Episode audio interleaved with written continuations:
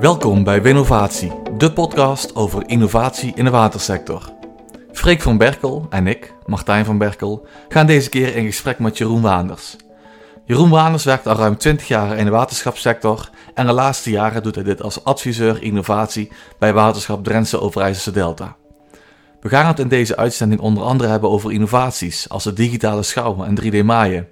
Killers in het innovatieproces en hoe Jeroen daarmee omgaat. Bullshit jobs binnen de waterschappen. Het 22e waterschap dat Jeroen zou willen opzetten en het zelfsturende watersysteem. Al luisterend gaat het je waarschijnlijk opvallen dat Jeroen hele goede frisse ideeën heeft en ook wel van een spraakmakende uitspraken is. Kortom, een ideale gast voor onze podcast. Jeroen, welkom in de Beeldhoven in onze geïmproviseerde podcaststudio voor de Water Innovatie Podcast. Wij zijn allereerst wel even benieuwd. Hè? We gaan het zo hebben over uh, innovatie in de watersector. Maar wat was nou eigenlijk de eerste innovatie die in jouw leven iets betekende? Goh, ja, dat, dat zal dan toch de mobiele telefoon moeten zijn, ja. Die echt indruk heeft gemaakt dat dat echt substantieel anders was dan andere dingen die je tot dan toe had. Ja, zo groot, zo lomp, onhandig, maar je kon wel overal bellen. En had je meteen bij die mobiele telefoon zoiets van dat dit is echt, uh, dit is echt uh, wereldschokkend of baanbrekend? Nee, eigenlijk niet. Ja, even los van dat er geen touwtje meer aan zat. eh, Functioneel gezien veranderde er natuurlijk niet zo gek veel. Er zat alleen geen kabeltje meer aan, dus je kon hem meenemen. Ja, ja. Het werd alleen maar leuker naarmate zo'n ding meer kon. Maar ja, uiteindelijk is het ook geen telefoon meer. Maar hoeveel bel je tegenwoordig nog? En um, um, we weten, jij bent natuurlijk ook veel bezig met innovaties. Uh, vind jij jezelf innovatief, Jeroen? Uh, nee, eigenlijk niet. Nee? Nee. Uh, dat is een beetje, ja, wat is innovatie? Dat is dan de meest spannende, zeg maar. Kijk, wat mij betreft is innovatie niet altijd dat het iets moet zijn wat nog nooit iemand heeft bedacht. Het kan ook een combinatie van dingen zijn die wel bestonden en alleen voor een ander doel gebruikt werden. En ja, in dat opzicht vind ik het niet innovatief. Dan is het gewoon slim uh, mixen van ingrediënten tot een, een of andere nieuwe oplossing. En um, wat doe jij in je dagelijkse werk met innovatie? Misschien voor de luisteraar ook wel, luisteraars ook wel goed om te weten. Ja, het is, mijn, uh, het is gewoon mijn werk. Ik, ik doe niet anders dan uh, kijken wat er anders kan in onze bedrijfsvoering van het waterschap. En niet alleen kijken wat er anders kan, maar ook proof of concepts en pilots doen om dit te aan te tonen dat het anders kan. En uiteindelijk ook proberen te implementeren. Ja. ja. Kun je, voor, een, aantal, kun je een, voor, een, een, interessant voorbeeld noemen waar je recent, aan welke innovatie jij recent uh, gewerkt hebt? Nou, we zijn nu heel erg druk bezig om onze onderhoudsmachines heel veel slimmer te maken dan dat ze tot nu toe waren. Hè? Want het waren nu machines die toevallig een beetje maaisel uit een sloot konden scheppen. Maar we hebben nu een aantal kranen uh, rondrijden die gewoon dwarsprofielen meten tijdens het onderhoud. En er zitten ook slimme camera's op die gewoon controleren op schades. Of wij de onderhoudsprestatie wel geleverd hebben die wij moeten doen. En dat gaat volledig automatisch. Het begint erop te lijken dat het werkt. En hoe, uh, want hè, de, deze, deze aflevering gaat ook over hoe verandert het nou het werk van waterschappen. Dus kun je van deze innovatie zeggen van wat betekent dat voor, voor het werk van een waterschap dat zo'n innovatie er is? Ja, dat betekent hartstikke veel. Kijk, als je gewoon voorheen keek, uh, even los van wat het kost om, hè, om informatie in te winnen. Je stuurt mensen naar buiten en nou, mensen maken fouten. Dat ook, maar een computer kan ook fouten maken, alleen dat is één keer, hè, want dan heb je het verkeerd geleerd. Um, informatie inwinnen kost heel veel tijd. En dan is de vraag, wat doe je ermee? En op het moment dat je dit soort dingen gaat combineren in werkgangen die je toch al had, kost het gewoon geen extra inspanning. Dus ook geen, ja, je moet de apparatuur kopen, maar het kost verder geen geld. En je hebt veel meer en veel betere informatie. Dus in plaats van dat wij programmatisch uh, onderhoud aan de sloot uitvoeren, hebben we zo meteen informatie om te bepalen wanneer het op het goede moment uitgevoerd kan worden. En uh, die machines, die, daarmee kun je dan een dwarsprofiel ja. inmeten eigenlijk. Ja, ja. Even voor de luisteraars die zeggen dwarsprofiel, wat is dat in hemelsnaam? Wat, wat, wat doe je daarmee of wat, wat is, het probleem dat stop? Het is een doorsnede van de sloot, hè, dus daaraan kun je zien hoe groot het, het bakje van de sloot is, hoeveel water daar doorheen kan. En daar zijn eisen aangesteld wat het minimaal zou moeten zijn om te zorgen voor droge voeten, wateroverlast te voorkomen, wateraanvoer in geval van droogte. En als het, dat bakje niet groot genoeg is, hebben we een probleem. En nu kunnen we dat gewoon continu waarnemen en dus op tijd bijsturen om die problemen te voorkomen. En hoe deden we dat vroeger? Dan werd er uh, om de zoveel jaar, was er een, uh, had, je, had je een planning dat er wat gemeten moest worden. Dan gingen er mensen met een meetapparaat naar buiten en die gingen om de paar honderd meter een dwarsprofiel nemen. En wij doen het iedere vijf meter, drie keer per jaar. Ja, dat is toch iets anders. En betekent het ook dat, dat het landmeten van voorheen verdwijnt dat dan of krijgt hij een andere functie? Hoe kijk je daar tegenaan? Ik denk dat dat een uitstervende br- bedrijfstak is. Ja. Voor bepaalde dingen zal het blijven, maar dat is heel marginaal. En dat is wel interessant dat je dat zegt, Jeroen. Want, want eigenlijk zeg je daar ook mee, het, het, het, eh, innovatie is niet alleen een, een, een, iets technisch nieuws, maar het verandert ook het werk van mensen. Of misschien zorgt er wel voor dat ook, dat ook banen die we nu als voor, voor, lief, voor lief en waar aannemen dan verdwijnen. Ik weet niet of je de term bullshit jobs kent. Ja, die ken ik. is een leuke documentaire. Het is een hele leuke documentaire, ook eh, na het boek van David Graeber. Even voor de luisteraar ook, de Bullshit Jobs gaat ook over van mensen die eigenlijk hun werk ervaren als zinloos. Of ehm, werk dat door de maatschappij steeds vaker wordt gezien als zinloos. En er zijn legio voorbeelden te bedenken van, van bullshit jobs. Jij noemt net het voorbeeld van een landmeter. Ehm, zou je zeggen dat dat een, een, een bullshit job dan is over vijf jaar? Of... Ehm, als we blijven werken met de methodes zoals we nu werken, ja. Maar op het moment dat ze mee kunnen bewegen naar de modernere inwindtechnieken, blijft dat bestaan. Alleen het verandert wel.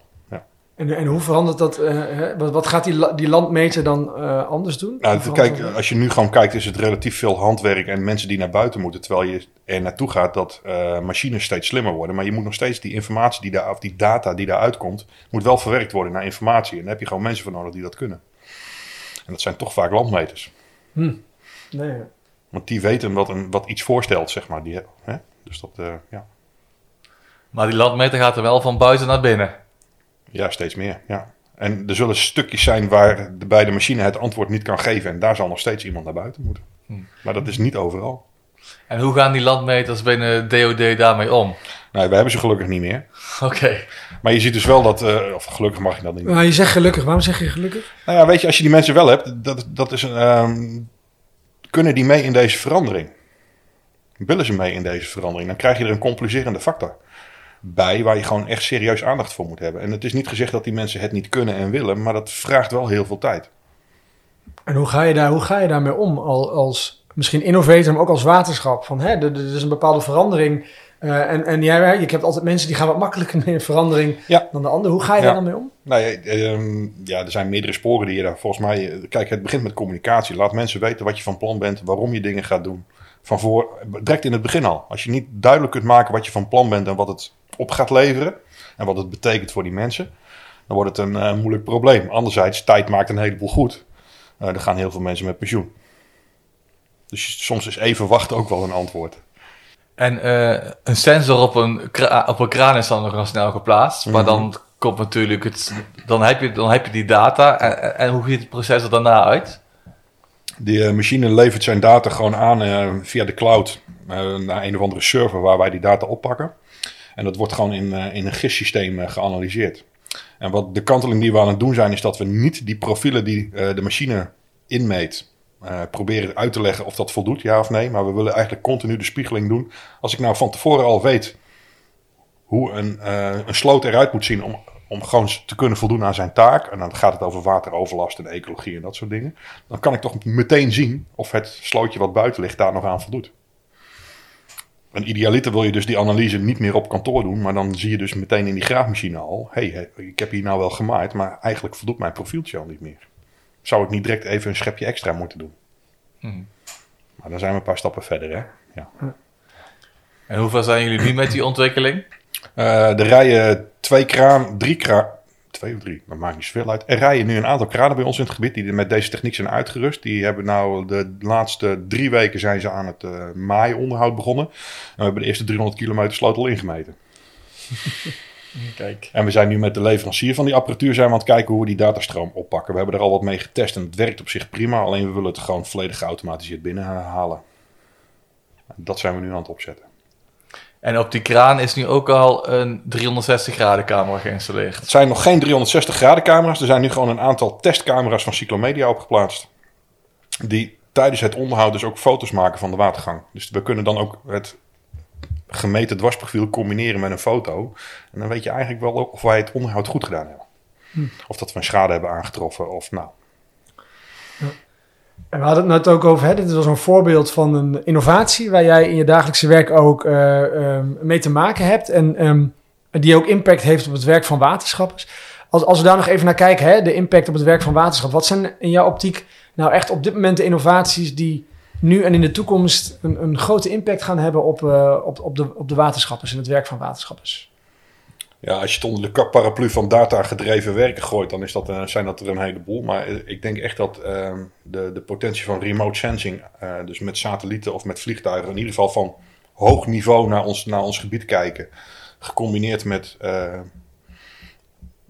intelligentie die voor ons al gaat uitsluiten wat bijvoorbeeld goed is. Hè. Dat is een hele mooie een kanteling. We zoeken niet naar problemen, maar we sluiten uit wat goed is.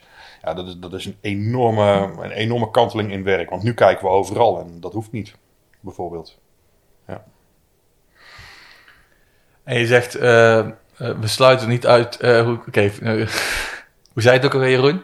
We sluiten, de, we sluiten uit wat goed is en we, zoeken, en we zoeken niet naar hetgeen wat fout is. Ja, en hoeveel denk je dan dat je al kunt uitsluiten? Nou, we hebben het vorig jaar getest met de, de digitale schouw. En dan hebben we gewoon 90% van het gebied waar we niet meer heen hoeven. Misschien voor de, voor de, voor de luisteraar die niet helemaal is ingevoerd. Wat is een schouw precies? Uh, nou ja, schouw is gewoon, uh, of de schouw is een controle op de onderhoudsstaat van, van slootjes. En dat is dan onderhoud niet wat wij zelf doen, maar wat door de uh, aanliggende agrariërs of aanliggende eigenaren gedaan moet worden. Ja. En normaal gesproken was dat een traject waar we met 60 man een week mee bezig waren. Ja, nu was het gewoon even een aantal weken wachten tot de satellietfoto er was. En, we zijn met twaalf mensen maximaal een halve dag buiten geweest om het, het reststukje nog even te controleren. Dus dat, dat liet wel zien dat het anders kon. Ja. En dat, en dat is een voorbeeld. Doet de remote sensing en ook het werken met satellietbeelden om, om dit soort zaken te doen. Is, er nog, is er nog iets waarvan je zegt, nog een ander voorbeeld van, van een innovatie, zegt, die heeft ook wel echt impact op, op het werk?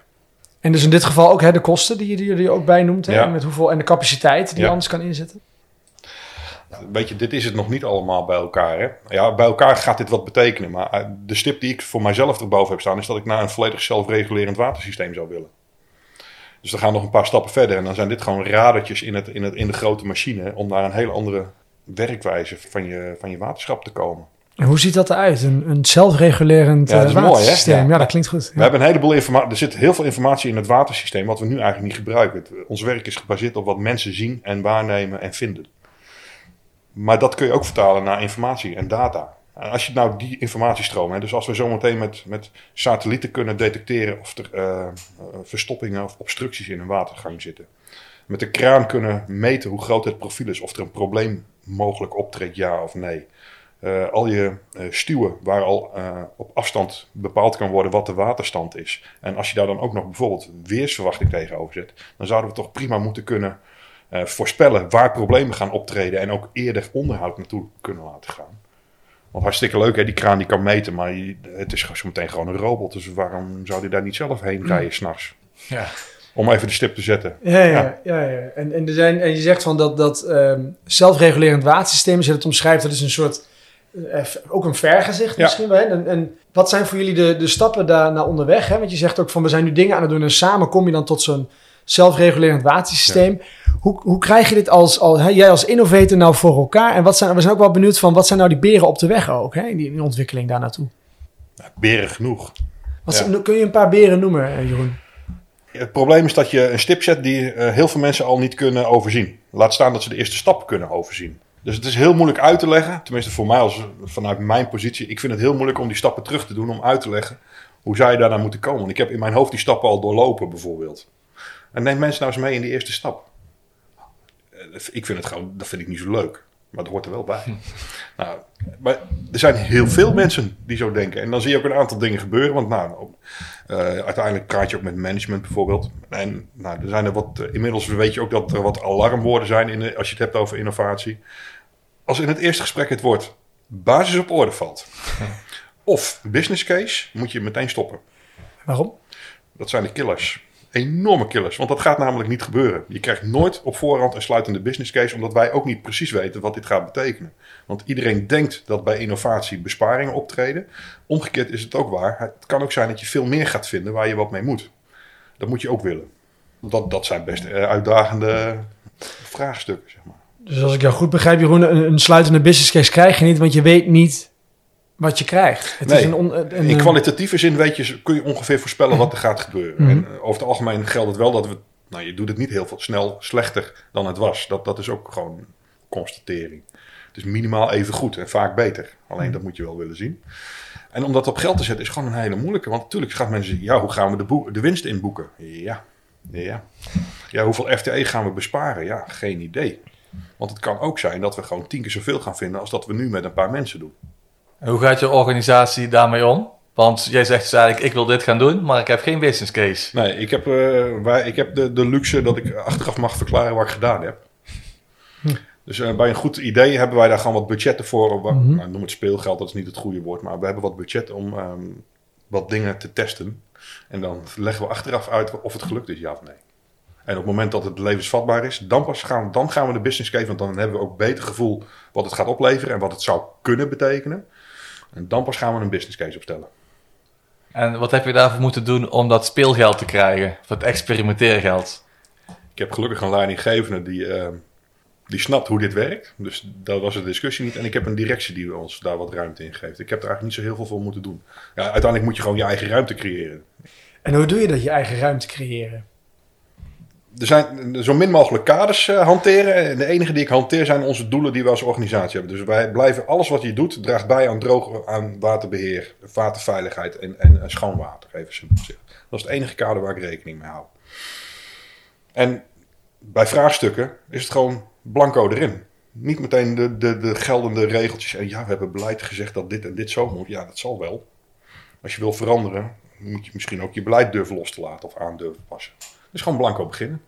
Dat levert weerstand op en dan houdt dus ook in dat je door moet uh, mm. blijven gaan. Ja. En jij zegt blanco beginnen, hè? En, en jij zei het net ook al bij de, um, bij de business case van uh, hè, je kunt het ook niet voorspellen waar je op uitkomt. En ook niet wat het voordeel is, maar ook niet misschien wat de nadelen zijn. Hè? En jij zegt nu ook blanco beginnen, dus ik speel heel echt uh, bij jou uh, het gevoel, hè, zoals jij het omschrijft, van je hebt um, een open veld nodig, een beetje carte blanche ook, niet te veel kaders. En terwijl je aan de andere kant ook, um, althans werk waterschappen ken, ook in een politiek bestuurlijke omgeving zit, waar beleid wordt gemaakt en waar kaders worden geschept. Hoe, hoe zijn die dingen te combineren en tegen welke muren loop je aan als innovator? Nou, als je de doelen van je organisatie helder houdt, dan is het iets anders hoe je dat uitvoert. En we hebben heel veel beleid van een waterschap is gericht op hoe wij dingen uitvoeren. En daar kun je het gewoon over hebben. Dat, dat, is, dat noemen wij beleid, maar dat is gewoon, dat is niet, ja, daar moet je het over durven hebben. Want hoe jij dingen deed, tegenwoordig kan alles anders. Dus wat is beleid als het eigenlijk gewoon een manier van uitvoeren van iets is? Want hoeveel beleid maak je nu als een waterschap? We zijn een uitvoeringsorganisatie. Dus je moet ook gewoon, en het is ook gewoon een beetje lef hebben. En natuurlijk, soms gaat het ook niet goed, dat hoort er ook bij. En hoe neem je daarin het bestuur mee? Bij de ontwikkelingen laten wij vaak even zien, uh, omdat we gewoon een programma digitale transformatie hebben. Zeg maar. Dus wij periodiek rapporteren wij over dingen die wij uh, denken te gaan doen en wat wij als kansen zien. Nou, dat is dus informerend. Maar op het moment dat we echt naar wat business case en achter en het gaat echt serieus over echt serieus geld, is dat gewoon dat wij in het bestuur naast het voorstel ook gewoon een presentatie geven wat wij willen gaan doen. Ja. En je ziet dat er ook vanuit het bestuur uh, in het begin werd er best wel sceptisch naar gekeken naar dit soort ontwikkelingen. Alleen ja, hè, uh, het, wederom het, het wordt een beetje saai, maar het is wederom het voorbeeld van die digitale schout. Toen wij de pilotfase doorlopen hadden en het heel goed deden, was het bestuur eerder dan ons om te vertellen dat wij het jaar erop het hele gebied zo gingen doen. En wij moesten het nog eventjes naar waarmaken. Hm. Dus dan kan het ook snel gaan. En dat soort voorbeelden helpt wel om draagvlak en, en vertrouwen van de organisatie te krijgen om ook de volgende stap te doen. Je had het net ook over dat, dat, dat meenemen hè, in, in, in innovatie. Als we dan terugkijken naar dat zelfregulerend watersysteem. Mm -hmm. um, jij als innovator bent daar al hè, mentaal. Dus ja, jij hij, zit, hij werkt al. Ja, ja jij werkt al in je hoofd. En jij, en jij zegt ook van... Um, um, maar goed, als ik dan mensen moet uitleggen... misschien moet ik dan wel beginnen bij die eerste stap. Ja. Hoe, ik kan me best voor, voorstellen dat je dan een beetje op je handen moet zitten... of soms wat ongeduldig kan worden. Hoe, hoe ga je daarmee om? Dat je, toch, dat je dan toch af en toe weer terug moet naar die eerste stap. Nou, dat is, een, uh, dat is een, gewoon een inwendige strijd. Dat, dat, daar kan ik heel, heel, heel lang en breed over praten. Maar dat, dat vind ik gewoon machtig moeilijk. Alleen het hoort er wel bij. Uiteindelijk went het ook hoor. Dat moet ik ook eerlijk toegeven. Ja, dat, dat is niet iets waar ik heel veel energie van krijg. Maar het is echt noodzakelijk om tot het, tot het eindresultaat te komen. Dus dan, dan hoort dat er wel bij. Ja, mm. ja. ja. En, hoe ga, maar, en hoe ga je daar dan mee om? Hè? Met die inwendige strijd en ook dat verlies van energie? Daarna gewoon iets leuks gaan doen. ja, ja, weet je, ja, weet je, ja, uiteindelijk leer ja, hoe moet ik het zeggen? Het, uiteindelijk is het ook niet zo'n hele grote drain meer. Want je, uiteindelijk, uh, als je ziet dat mensen uiteindelijk toch die eerste stap beginnen te snappen. Hm. En dan snappen die tweede ook wel. Want als ze één keer in die flow zitten, dan helpt dat. Ja, als je er wat voor terugkrijgt, is het ook prima. Hè? Dat, dat, dat, dat- het is, het is een, een, een lek op het moment dat je heel veel energie erin stopt en er nooit wat voor terugkrijgt. Dan is het niet goed. En wat zouden ehm, voor de, ehm, eh, alle, alle, alle, waterschappen, eh, alle waterschappen hebben innovators. En ook voor de luisteraars, die zijn, dat zijn natuurlijk eh, mensen uit de hele watersector. Wat zouden, de, wat, zouden de, wat zouden waterschappers kunnen doen om het leven van een innovator zoals jij eh, makkelijker te maken? Of misschien leuker? Ja, speelruimte. Ja. Dat is echt. Ik, ik bespeur. eh, nee, dat is ook inherent aan hoe wij als waterschappen al, al jaren opereren. Hè, dat- dat we alles min of meer van tevoren helemaal dicht willen timmeren. Weten waar het heen gaat. Weten wat we gaan doen. Weten wat de uitkomsten zijn. Ja, als je dat van blijft doen, gaat het niet veranderen. Dat is zo moeilijk. Dus je moet hier en daar gewoon een beetje het lef. Het, volgens mij is het woord lef. Dat van een directie en een bestuur. Om daar gewoon wat middelen voor beschikbaar te stellen. waarvan je van tevoren niet helemaal weet wat daarmee gaat gebeuren. En ben je ook een soort van lonely innovator binnen DOD? Of heb je ook een heel team om je heen? Of... Ehm, nou, het is eh, vrij klein, ja. Ehm, ik doe het samen met één collega, is Henry Bosman. Eh, wij doen het heel veel samen. Waarbij ik echt vanuit de vernieuwing naar, naar vraagstukken kijk. En Henry meer vanuit de bedrijfsprocessen, de watersystemen, waterveiligheid, informatievragen ophaalt. Waar ik dan weer wat mag van vinden. Dus je krijgt ons altijd alle twee, zeg maar. En dat, eh, dat helpt enorm, want ik ben wel goed in concept dingen bedenken en, en andere denkwijzes erop loslaten. En hij is heel goed om dat richting de bedrijfsprocessen te vertalen. En dan heb je het over het, het watersysteem. Bijvoorbeeld. Ja. Maar zijn jullie ook in bezig in de waterketen? Ja, zeker. Maar dat is, eh, ja, dat zijn we ook. Alleen dat is, eh, ja, die is iets weer weerbarstiger. Dat, die gaat wat minder makkelijk op dit moment. Ja. Maar wat heb je daarvoor ideeën overleggen? Nou ja, weet je, ook dat bedenk ik niet altijd alles zelf. Dus dat is, eh, maar wel in conceptueel, hè, want we hebben als waterschappen ontzettende eh duurzaamheidsambities. maar wat we vergeten zijn, is dat eh, duurzaamheid begint met besparen van energie. In plaats van zonnepanelen neer te leggen voor opwekken. Dus ook, nou ja, als je dan bij AMA's bijvoorbeeld kijkt, hè, met eh, AI-sturing op een rioolwaterzuivering, wat ook bij anderen toegepast wordt. Ja, daar liggen gewoon enorme kansen. En daar zie je eigenlijk hetzelfde gebeuren waar we het net ook een beetje over hadden. Want dat leg je dan voor bij een specialist waterketen. Die zegt, ja, maar onze doelen voor die RWZT zijn anders. Ja, misschien moet je dat wel gaan herzien. Uiteindelijk is het belangrijk dat er schoon water uitkomt. Hè? Dat je voldoet aan je, aan je wettelijke norm. Wat die zuivering zou moeten doen. En hoe je dat doet, kun je het over hebben. Dus ja, dat soort dingen lopen wel. En we zijn ook wel aan het kijken of we niet een hele sensor, eh, een sensorketen in de waterketen kunnen loslaten. Dus van bedrijf tot aan de RWZI. Om gewoon voortijdig problemen te kunnen... voor de mensen die niet helemaal ingevoerd zijn, een sensorketen, zeg jij? Ja, dus het is eigenlijk gewoon dat je vanaf de, de veroorzaker van, eh, van een, stroom afvalwater tot aan de verwerking op de rioolwaterzuivering, op alle plekken waar iets verandert, een sensor hebt hangen. Zodat je eigenlijk heel gericht kunt terugzoeken eh, wat is er aan de hand. Maar ook eh, voor je bedrijfsvoering misschien wel je rioolstelsel als actieve buffer gaat gebruiken. Dus dat je geen pieken, dus niet plotseling heel veel afvalwater hebt en een ander moment heel weinig afvalwater. Maar dat het gewoon door de dag heen een beetje min of meer gelijk binnen eh, kabbelt. We hebben nu een aantal innovaties ook gehoord. Hè? Dus, dus een, eh, dat klinkt ontzettend mooi. Ook op, het, op de impact op het werk van waterschappers. En, ja, en hoe jij er als innovator in staat. We zijn ook wel benieuwd. ehm, dit soort innovaties. Wat voor impact heeft het op de organisatie als geheel? En wat vraagt dat ook van die waterschapsorganisatie nu en in de toekomst? Ook dat is weer, eh, ja, dat is ook een kwestie van perspectief. Hè? Want vaak wordt eh, innovatie als een disruptieve ontwikkeling gezien. Ik denk dat wij als waterschappen een veel grotere uitdaging hebben. Dat is gewoon de vergrijzing waar we last van hebben. Ik denk dat innoveren en digitaliseren de enige redding is om onze organisaties in de benen te houden. Dat klinkt interessant. Kun je daar, kun je daar iets meer over zeggen? Hoe dat, Ja. hoe dat in zijn werk gaat? Laat ik het er gewoon even bij mezelf houden. Als ik bij WDO Delta kijk, dan hebben wij de komende 15 jaar met een personeelsverloop van 51% te maken. Dat houdt dus in dat wij over 15 jaar een half zo grote organisatie hebben. Zou je mensen kunnen aantrekken? Ja, dat zou je kunnen doen. Maar dit is niet iets waar wij als eh, overheid, als waterschap uniek in zijn. Dit geldt door heel Nederland. Er is bijna niemand meer zometeen. Ja, die design zijn 65 plus. En we zien nu al dat er krapte is op de arbe- arbeidsmarkt. We krijgen nu al met moeite eh, mensen voor bepaalde functies. Dus ik denk dat wij deze kant uit moeten. Ook om je bestaansrechten, anders zijn we nog steeds een ouderwetse organisatie die in 1200 zoveel niet veel anders was dan nu. Ik denk dat je mee moet. En als ik het dan goed begrijp, zeg je van, ehm, eh, als je kijkt naar natuurlijk personeelsverloop, heb je over hoe lang, zei je? Eén- 15 jaar. over 15 jaar eh, de helft van de waterschappers over. En jij zegt eigenlijk dat die kun je niet door mensen vervangen. Ehm, Nou, misschien kan het wel, maar dit is wel het moment om te overwegen om het anders te doen. ja. Dus jij zegt eigenlijk dat is een soort drijver voor, voor de digitale transformatie. Zeker, ja. Zou je een aantal voorbeelden kunnen geven van, van werk waarvan je zegt, nou daar moet je eens overwegen of dat weer opnieuw mensen worden of als het op een andere manier kan? Wij hebben eh 15 pijlbeheerders. We hebben 2200 stuwen, waarvan er 300, 400 geautomatiseerd zijn. Die 15 pijlbeheerders die zijn jaar rond bezig om die andere 1800 te bezoeken. En ik zeg bewust bezoeken, want in de 26 bezoeken die ze doen per jaar, wordt er één of twee keer aan het knopje gedraaid om de waterstand te verstellen. Ja, je had er ook een sensortje op kunnen hangen. En als je dat uitrekent, want nou, dan, gaan we ook, komen we ook een beetje bij eh, de kip met de gouden eieren.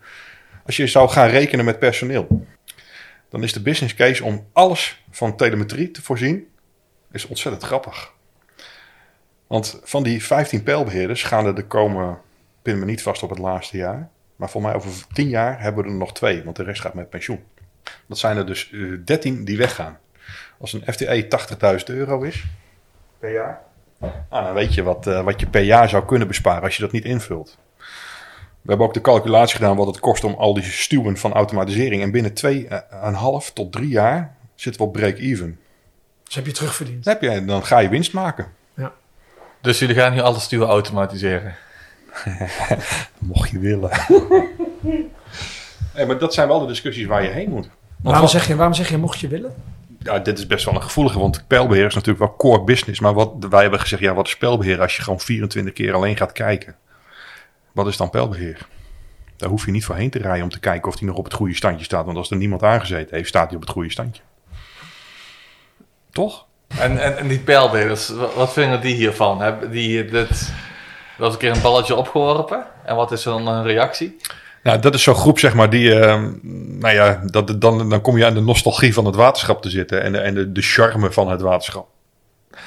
Dat is een hele lastige.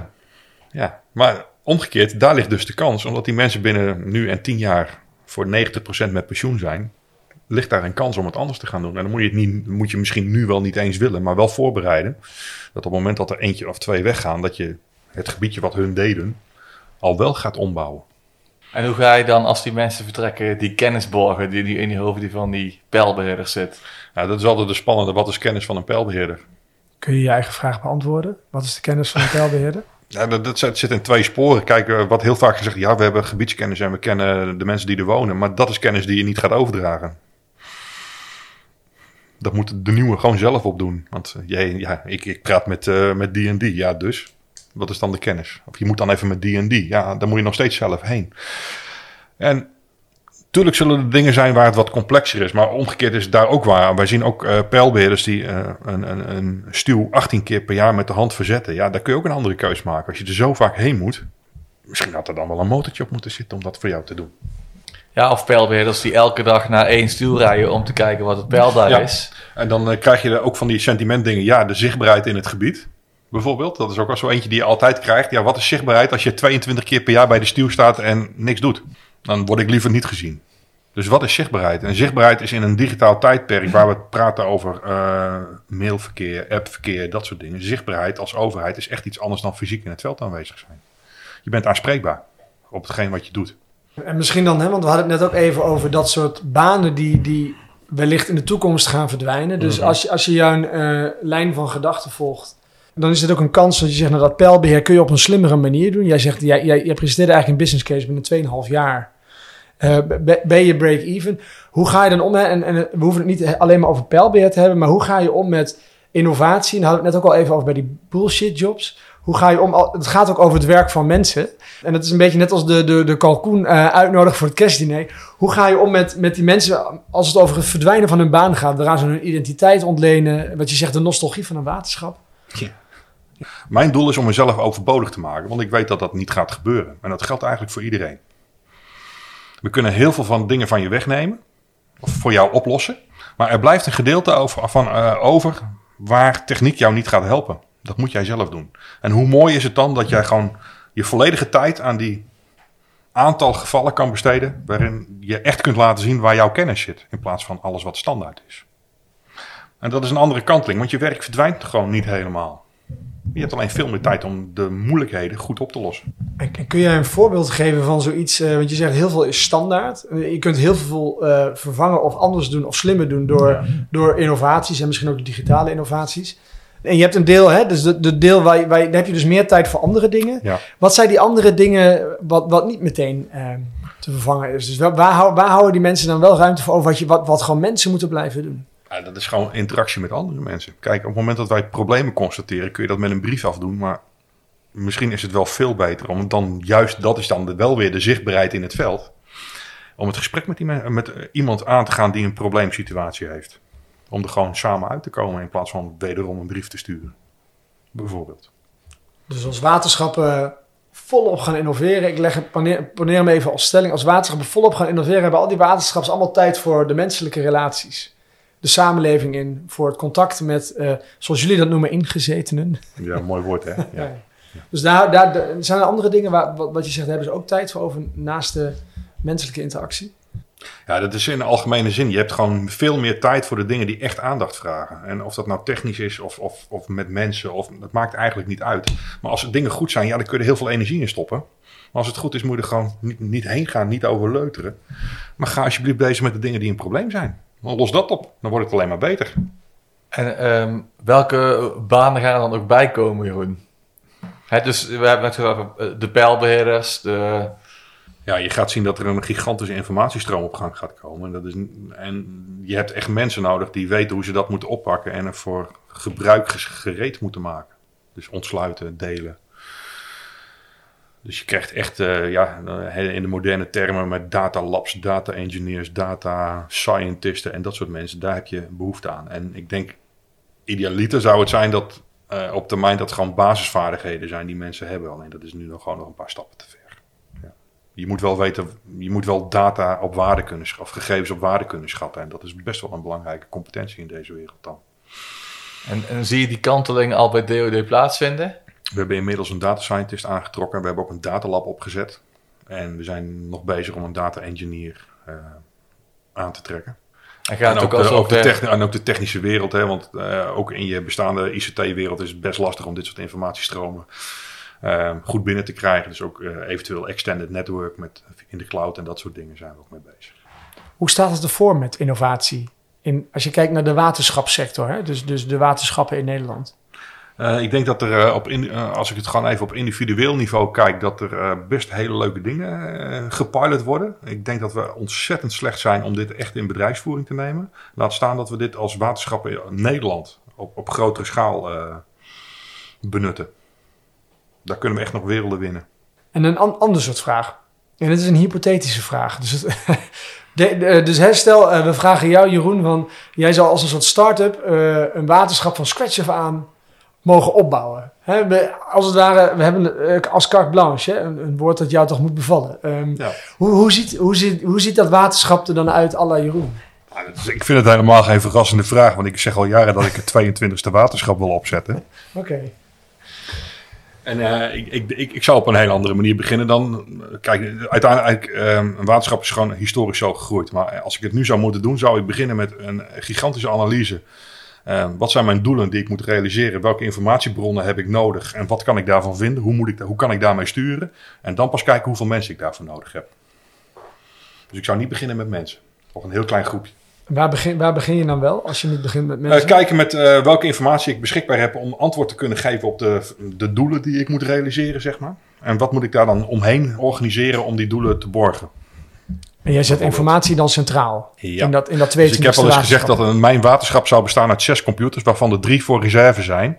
En dus dan heb je een computer voor waterveiligheid, watersysteem en waterketen. En daar zit één iemand achter. Doe eens gek, twee, als er eentje ziek wordt. Daar beginnen we mee. Ja, en dan eens even kijken hoe ver we komen.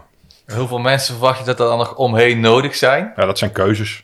Kijk, ehm, ehm, wil je een eigen onderhoudsdienst of niet bijvoorbeeld? Nou ja, ik denk uiteindelijk dat een onderhoudsdienst vervangen wordt door robots. Dus nou, ik zou ze, misschien moet je ze even een paar jaar aannemen. Ja, misschien. En je hebt gewoon een aantal mensen nodig die gewoon eh, echt op basis van data eh, verbanden, eh, conclusies kunnen trekken. En als je deze ideeën deelt binnen DOD, zeg ze dan uh, op de brandstapelen mee met die Jeroen? Of nou ja, dan had ik hier niet gezeten, hè? dat, uh, dat scheelt. Uh, nee, dat gaat vrij ver. daar zijn de meningen nogal over, over verdeeld. En als je het enigszins begint uit te leggen, dan, dan snappen een aantal mensen best wel wat je wil. Alleen weet je, dat gaat niet gebeuren. Het is best wel van de gekke. Eigenlijk zou in de meest ideale wereld zou ik gewoon voor WDOD gewoon een, een schaduwwaterschap ontwikkelen op basis van data. En dan gewoon eerst eens parallel draaien om te kijken of ik op dezelfde antwoorden kan uitkomen als de, de bestaande organisatie. Dus eigenlijk wat je zegt, jouw 22e waterschap is eigenlijk een informatie- en databedrijf. Ja.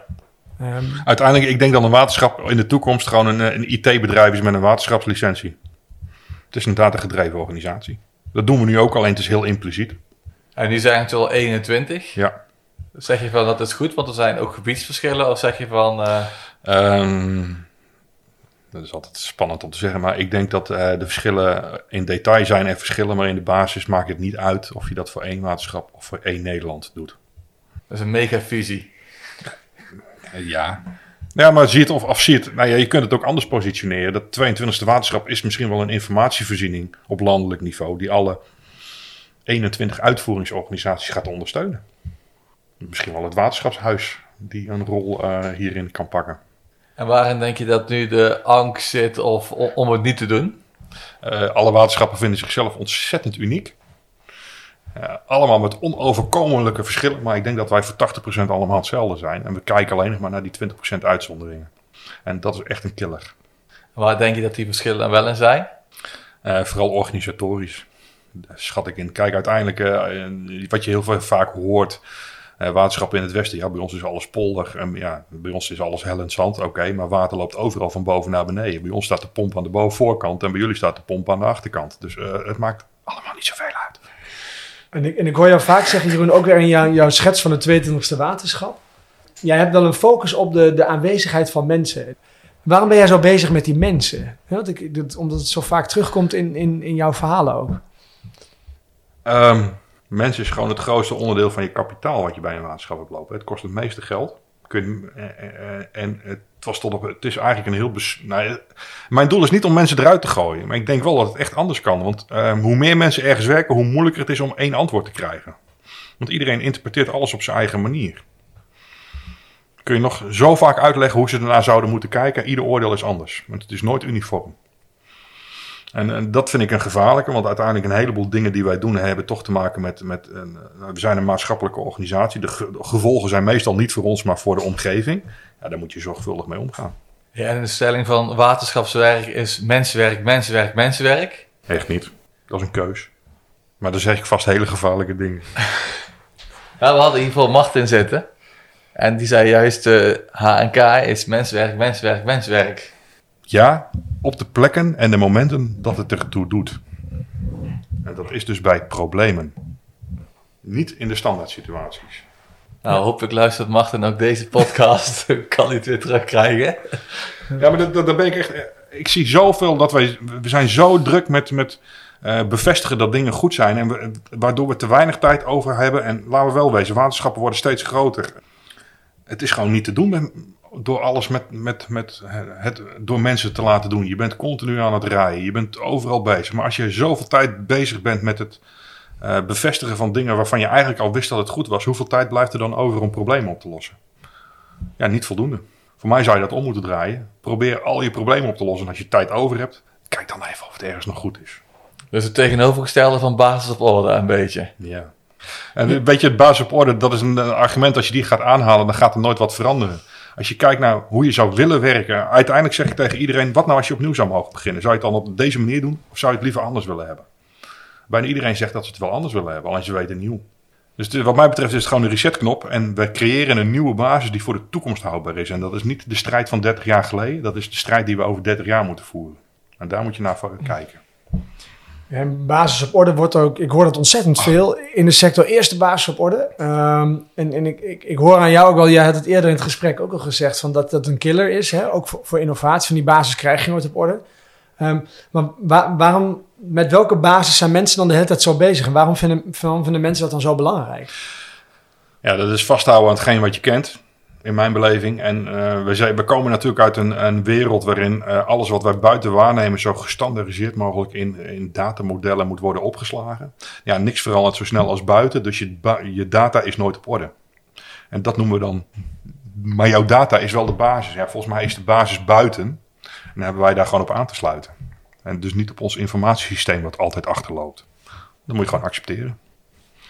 En hoe, hoe, komen we, hoe komen we dan los van dat idee dat die, dat die data... Want ik, ik kan de neiging uh, begrijpen. Hè? Dus uh, die, je, ja. wilt, je wilt dat die datamodellen uh, perfect zijn, dat je kan gebruiken. Hoe komen we dan los van dat idee dat dat allemaal op orde moet zijn? Ja, dat is toch even wat afstand nemen van, van het vraagstuk. Kijk, uiteindelijk, um, wij hebben dezelfde discussie natuurlijk bij ons in huis ook. En je ziet ook dat... Um, wij werken eigenlijk precies, wij werken tot nu toe nog steeds precies hetzelfde. We nemen wat buiten wat waar, we gaan lopen meten, doe eens gek. Dat gaan we schematiseren en dan gaan we zeggen of het uh, nog goed is, ja of nee. Maar omgekeerd zou je het ook kunnen doen. Als jij van tevoren uh, vast zou kunnen leggen en dan verandert je gegeven ook wat minder vaak. Als je op basis van je wettelijke kaders nou zou vastleggen hoe groot een slootje zou moeten zijn of hoe hoog een dijk zou moeten zijn, dan kun je toch buiten heel makkelijk waarnemen of dat aanwezig is. En dan heb je een basis neergezet waar je continu, uiteindelijk wat je neerzet is gewoon een soort van spiegel. Je moet continu spiegelen, voldoet hij aan zijn taak? Voldoet hij aan zijn taak? Voldoet hij aan zijn taak? Ja of nee? Dat is de enige vraag die overblijft. En dat houdt dus in dat je een ander, je moet een ander gegeven bedenken om die spiegel neer te kunnen zetten. En dat is niet de hele tijd uh, wat buiten is proberen te vertalen naar een schematisch profiel en dan achteraf verklaren of dat goed was. Nee, je weet hoe het zou moeten zijn om aan, minimaal aan zijn functie te kunnen voldoen. En is dat er? Is het antwoord ja, kun je door? Is het antwoord nee, heb je een, uh, heb je een aanleiding om iets te gaan doen? Denk, en als ik dat dan hoor, dan denk je, maar waarom doen we dat nog steeds op die oude manier? Dus ik zit ook wel te zoeken, is het niet wat simpel gesteld dat het ooit zo gaat werken, Jeroen? Dat is een gewetensvraag. Ongetwijfeld. ja, nee. Um, weet je, volgens mij is er, wat er gebeurd is, met techniek zijn er, zijn er zoveel dingen mogelijk geworden de laatste twintig jaar. Dat we vergeten zijn dat, het dat hetgeen wat we zoeken meestal niet altijd heel complex is. Maar misschien wel heel simpel. Alleen techniek heeft het mo mogelijk gemaakt om heel veel informatie te gaan bijhouden waar we uiteindelijk niks mee gaan doen. We verzamelen het wel, we doen er geen reet mee. Nou, dat heet gewoon ballast. Daar moet je vanaf. En voor mij zijn we op het punt aangekomen dat als je echt uh, een, een, transformatie door wil maken, is dat wij heel helder hebben. Wat moeten wij nou eigenlijk, waar staan wij voor, wat moeten wij kunnen verantwoorden? En wat heb ik daar dan voor nodig? En snij weg wat niet nodig is. En dat kan van alles zijn heel even terugkomen. Voorheen had je het nog over uh, de kip met de gouden eieren. Je noemde hem eventjes te loops in het gesprek. Maar wat is dan de kip en wat zijn die gouden eieren? Of hoe ben je op die uitspraak gekomen? Ja, dat, is ontstaan is dat um, we al een tijdje bezig zijn met veranderingen en uh, andere mogelijkheden. En op, uh, we zeiden al een paar jaar tegen elkaar dat vergrijzing, of, dat vergrijzing een kans is. Want als mensen weggaan, komt er ruimte voor, voor andere, andere oplossingen. Ik denk dat het ergens begin vorig jaar was dat wij dachten van... Uh, als we dat nou eens proberen te kwantificeren, die mensen die weggaan. Dus we hebben bij personeelszaken gevraagd... wat is het personeelsverloop de komende paar jaar? En waar rekenen wij mee dat wat, een, F, wat, een, wat een FTE per jaar kost?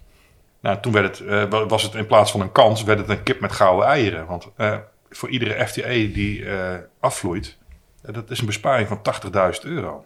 Als je die niet invult. Nou, als je dat dan als innovator, moet toch ergens mijn geld vandaan halen.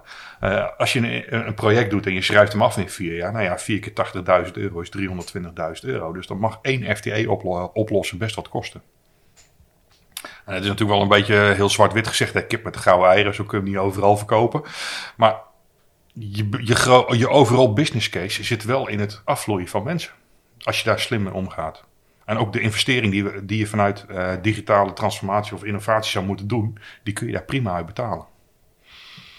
In plaats van dat je voor ieder wissel wat je geld zou moeten vragen.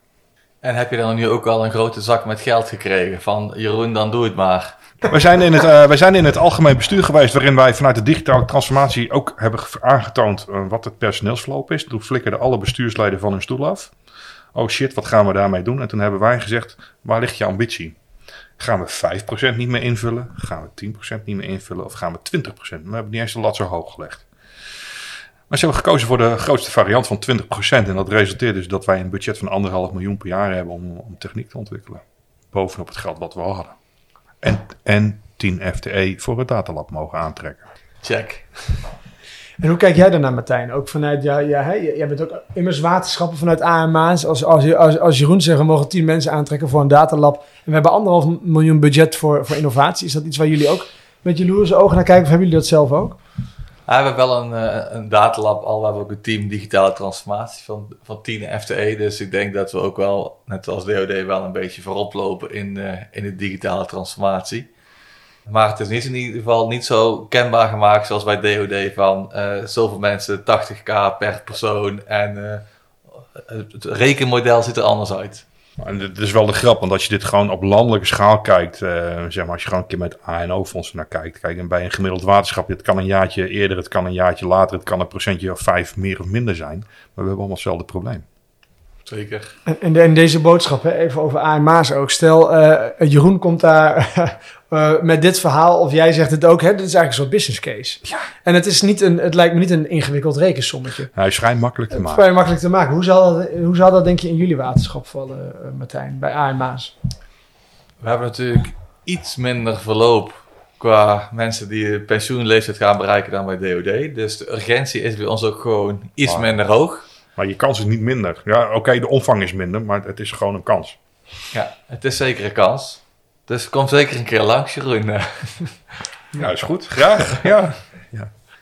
En we hadden ook nog, um, um, we hadden nog twee stellingen, Jeroen, uh, Ja, die, dat is die jou voor me leggen. Um, en, en er wordt vaak gezegd van, um, tenminste als, als het over innovatie gaat hè, en ook over strategie van waterschappen over innovatie, dan zeggen ze altijd van ja, maar um, wat, waterschappen moeten net zo worden als Coolblue of Bol.com. Die worden vaak zo als, als, als een soort uh, vergelijking gebruikt, ook omwille van hun dienstverlening. En dat is ook omdat um, het argument is dan vaak, ook als uh, burgers, inwoners, ingezetenen, hoe we het ook noemen, als zij gewend zijn via Coolblue met één klik voor vier uur de volgende dag een pakketje op de deurmat te hebben.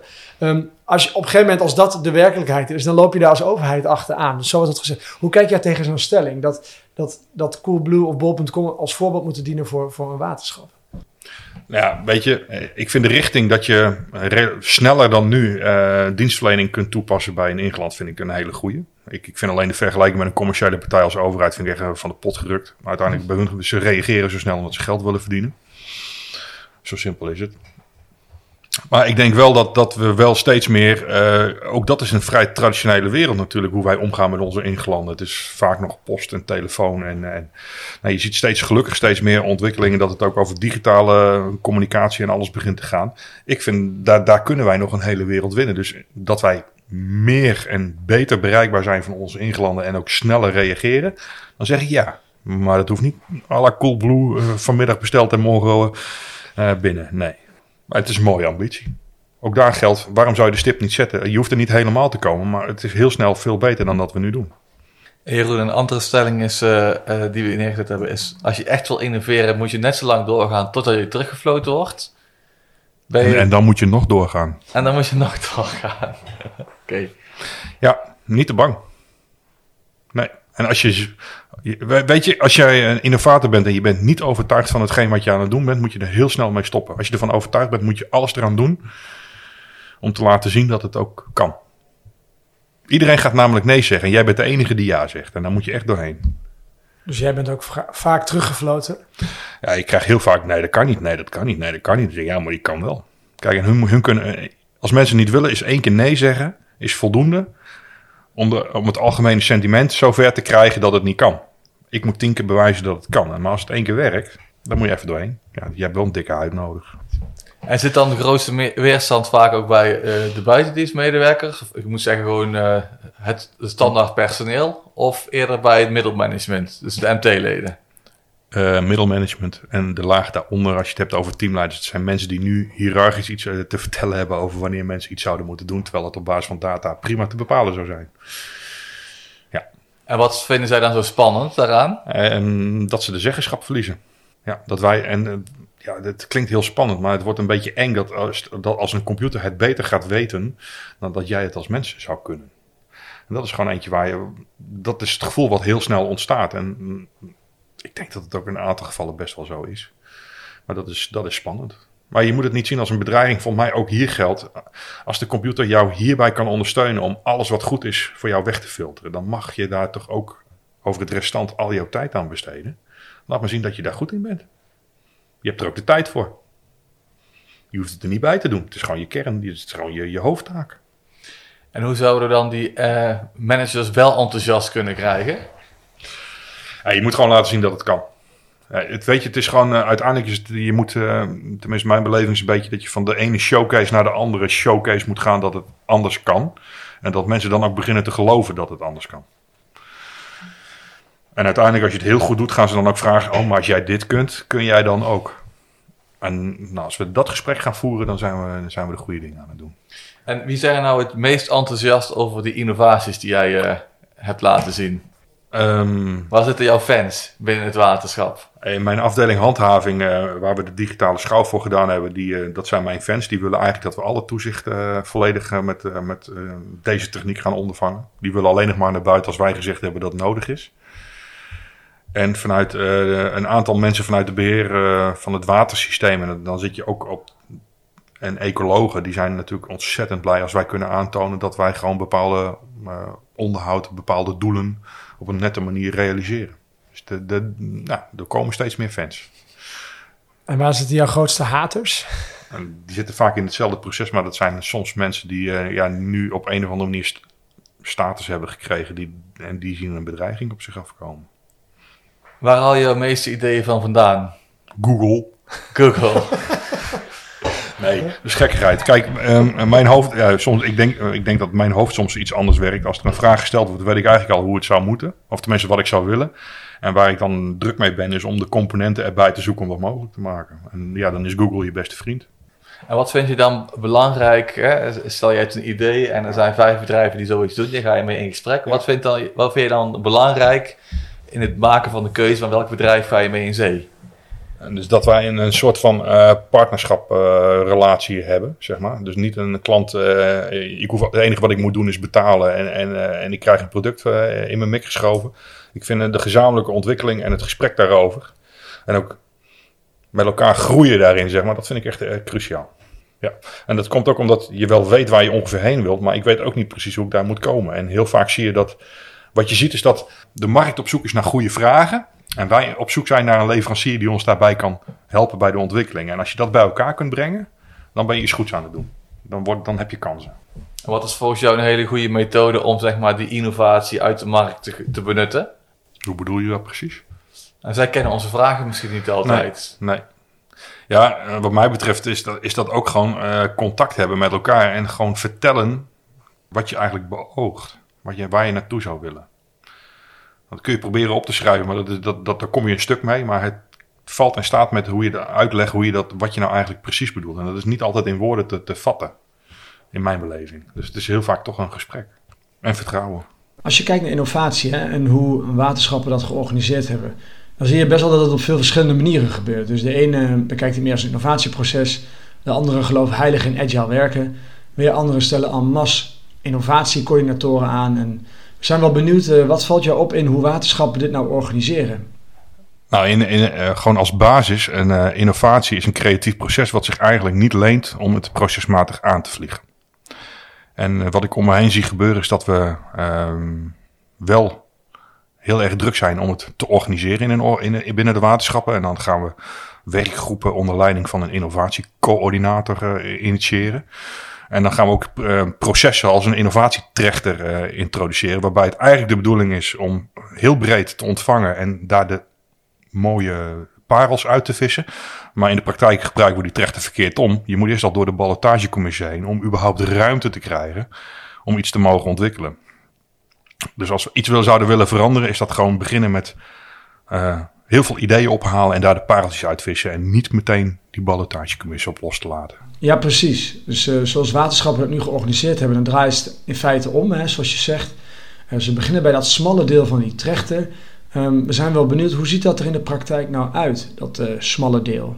Um, ja, dan zijn er toch altijd mensen die al een potje geld hebben gekregen en die daarop gaan sturen. En dat houdt dus in dat jij wel met een heel verrekte goede business case moet komen. Daar heb je het vieze woord weer. Om überhaupt geld te krijgen om die ontwikkeling te mogen onderzoeken. En dat gaat niet werken. Jeroen, je noemde net ook eh, specifiek het woord innovatiecoördinator. En nou ja, ik weet niet of ik het goed heb gehoord, maar je zei het een beetje alsof het een, vies woord is. Wat is nou jouw gevoel bij zo'n innovatiecoördinator?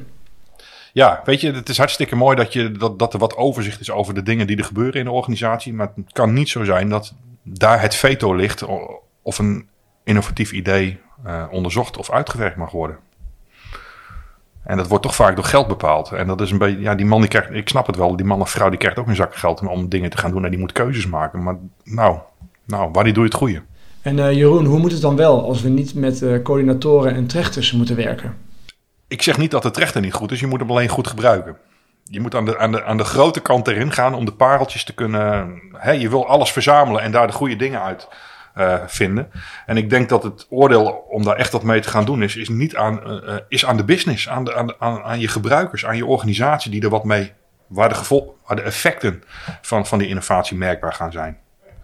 Die bepalen of het levensvatbaar is, ja of nee, en niet iemand die een bepaalde status heeft gekregen. En die zouden dan gaan kiezen welke innovaties pakken we wel en niet op. Nou ja, als je de verbinding met de business hebt, wat uiteindelijk de klant is, wie die er uiteindelijk last van heeft en waar het draagvlak van een innovatie moet zitten, kiezen hun ja. Als hun namelijk met elkaar ja zeggen, heb je ook je draagvlak geregeld. Want ze zien het zitten. Ja, en dan kunnen natuurlijk ook beter die impact en haalbaarheid beoordelen. Juist. Volgens mij nog een paar dingetjes. Misschien uh, heb jij nog innovaties die je nog in je hoofd hebt zitten waarvan je denkt van ja, en dit ga ik de komende jaren ook oppakken? Jouw innovatiepijplijn. ja, nou, interne innovatiefunnel, hoe ziet die eruit? Nou, ik heb een Trellootje met nog 48 concepten die ik graag zou willen uitwerken. Maar welk concept eh, denk je echt van ja, dat is echt, uh, uh, dat wordt er één. Nou, even, even los van of het precies een concept is, maar ik heb er eentje op mijn bord hangen. En dat uh, staat haaks op hetgeen wat het hoogwaterbeschermingsprogramma inhoudt. Ik zou graag het antwoord willen hebben uh, dat als wij over 30 jaar. Uh, er is een wetenschappelijk rapport van het KNMI dat er over 30 jaar geen gletsjers meer in Zwitserland zijn. Dus ik denk niet dat wij het over hoogwater zouden moeten hebben, maar over water conserveren. En die zou ik graag uitgezocht willen hebben. Bijvoorbeeld. Dus ook dat, het zit niet altijd meteen in een oplossing, maar wel in wat kietelende vragen. Want je ziet gewoon dingen gebeuren.